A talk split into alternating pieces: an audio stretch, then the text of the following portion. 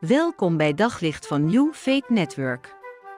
Luister elke dag naar een korte overdenking met inspiratie, bemoediging en wijsheid uit de Bijbel en laat Gods woord jouw hart en gedachten verlichten. Stel dat God vandaag tegen je zegt: Ik zal ervoor zorgen dat je rijk wordt, dat je succes hebt, dat je gezond bent en dat je macht hebt. Maar verder bemoei ik me niet met je. Wat zou je daarvan vinden? Klinkt nog niet zo slecht, of wel?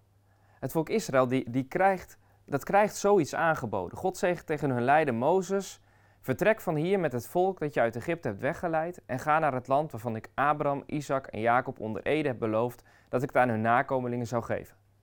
Een land dat overvloeit van melk en honing.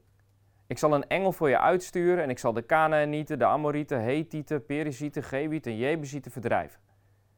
Maar ik trek niet met jullie mee, want jullie zijn een onhandelbaar volk en ik zou jullie daarom onderweg kunnen doden. Ik denk dat veel mensen maar wat graag voor zo'n pakket tekenen. Om bij dat laatste stukje te beginnen wat de Heer zegt. God gaat niet met het volk mee omdat hij hen onderweg zou kunnen doden als ze hun eigen gang gaan.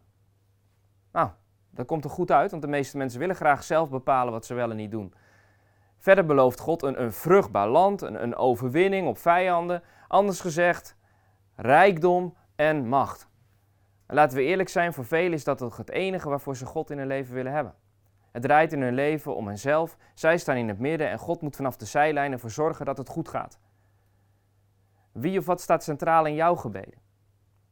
Als onze gebeden eigenlijk altijd bestaan uit wensen voor onszelf, gezondheid, een mooie plek om te wonen, geld, een leuke baan enzovoort, dan is dit toch het meest ideale pakket dat God kan bieden. Goed nieuws voor Israël dus. Ah, daar denkt het volk zelf heel anders over. Zij vinden het helemaal geen goed nieuws. Er wordt zelfs in dit gedeelte gezegd dat, dat ze het een onheilstijding noemen. Ze hebben geprobeerd zichzelf te redden, maar nu God hen, hen weg wil sturen, dringt bij hen het besef door hoe zinloos en doelloos is en als, ze, als ze zonder God verder moeten. Het raakt hen zo diep dat ze in rouw gaan en ze doen hun sieraden af, want wat heb je eraan zonder God? En dan gaat Mozes iets doen waarin hij lijkt op Jezus. Hij gaat naar God toe om te pleiten voor het volk. En hij zegt, als u niet zelf meegaat, laat ons dan niet verder trekken. En God verhoort het gebed van Mozes.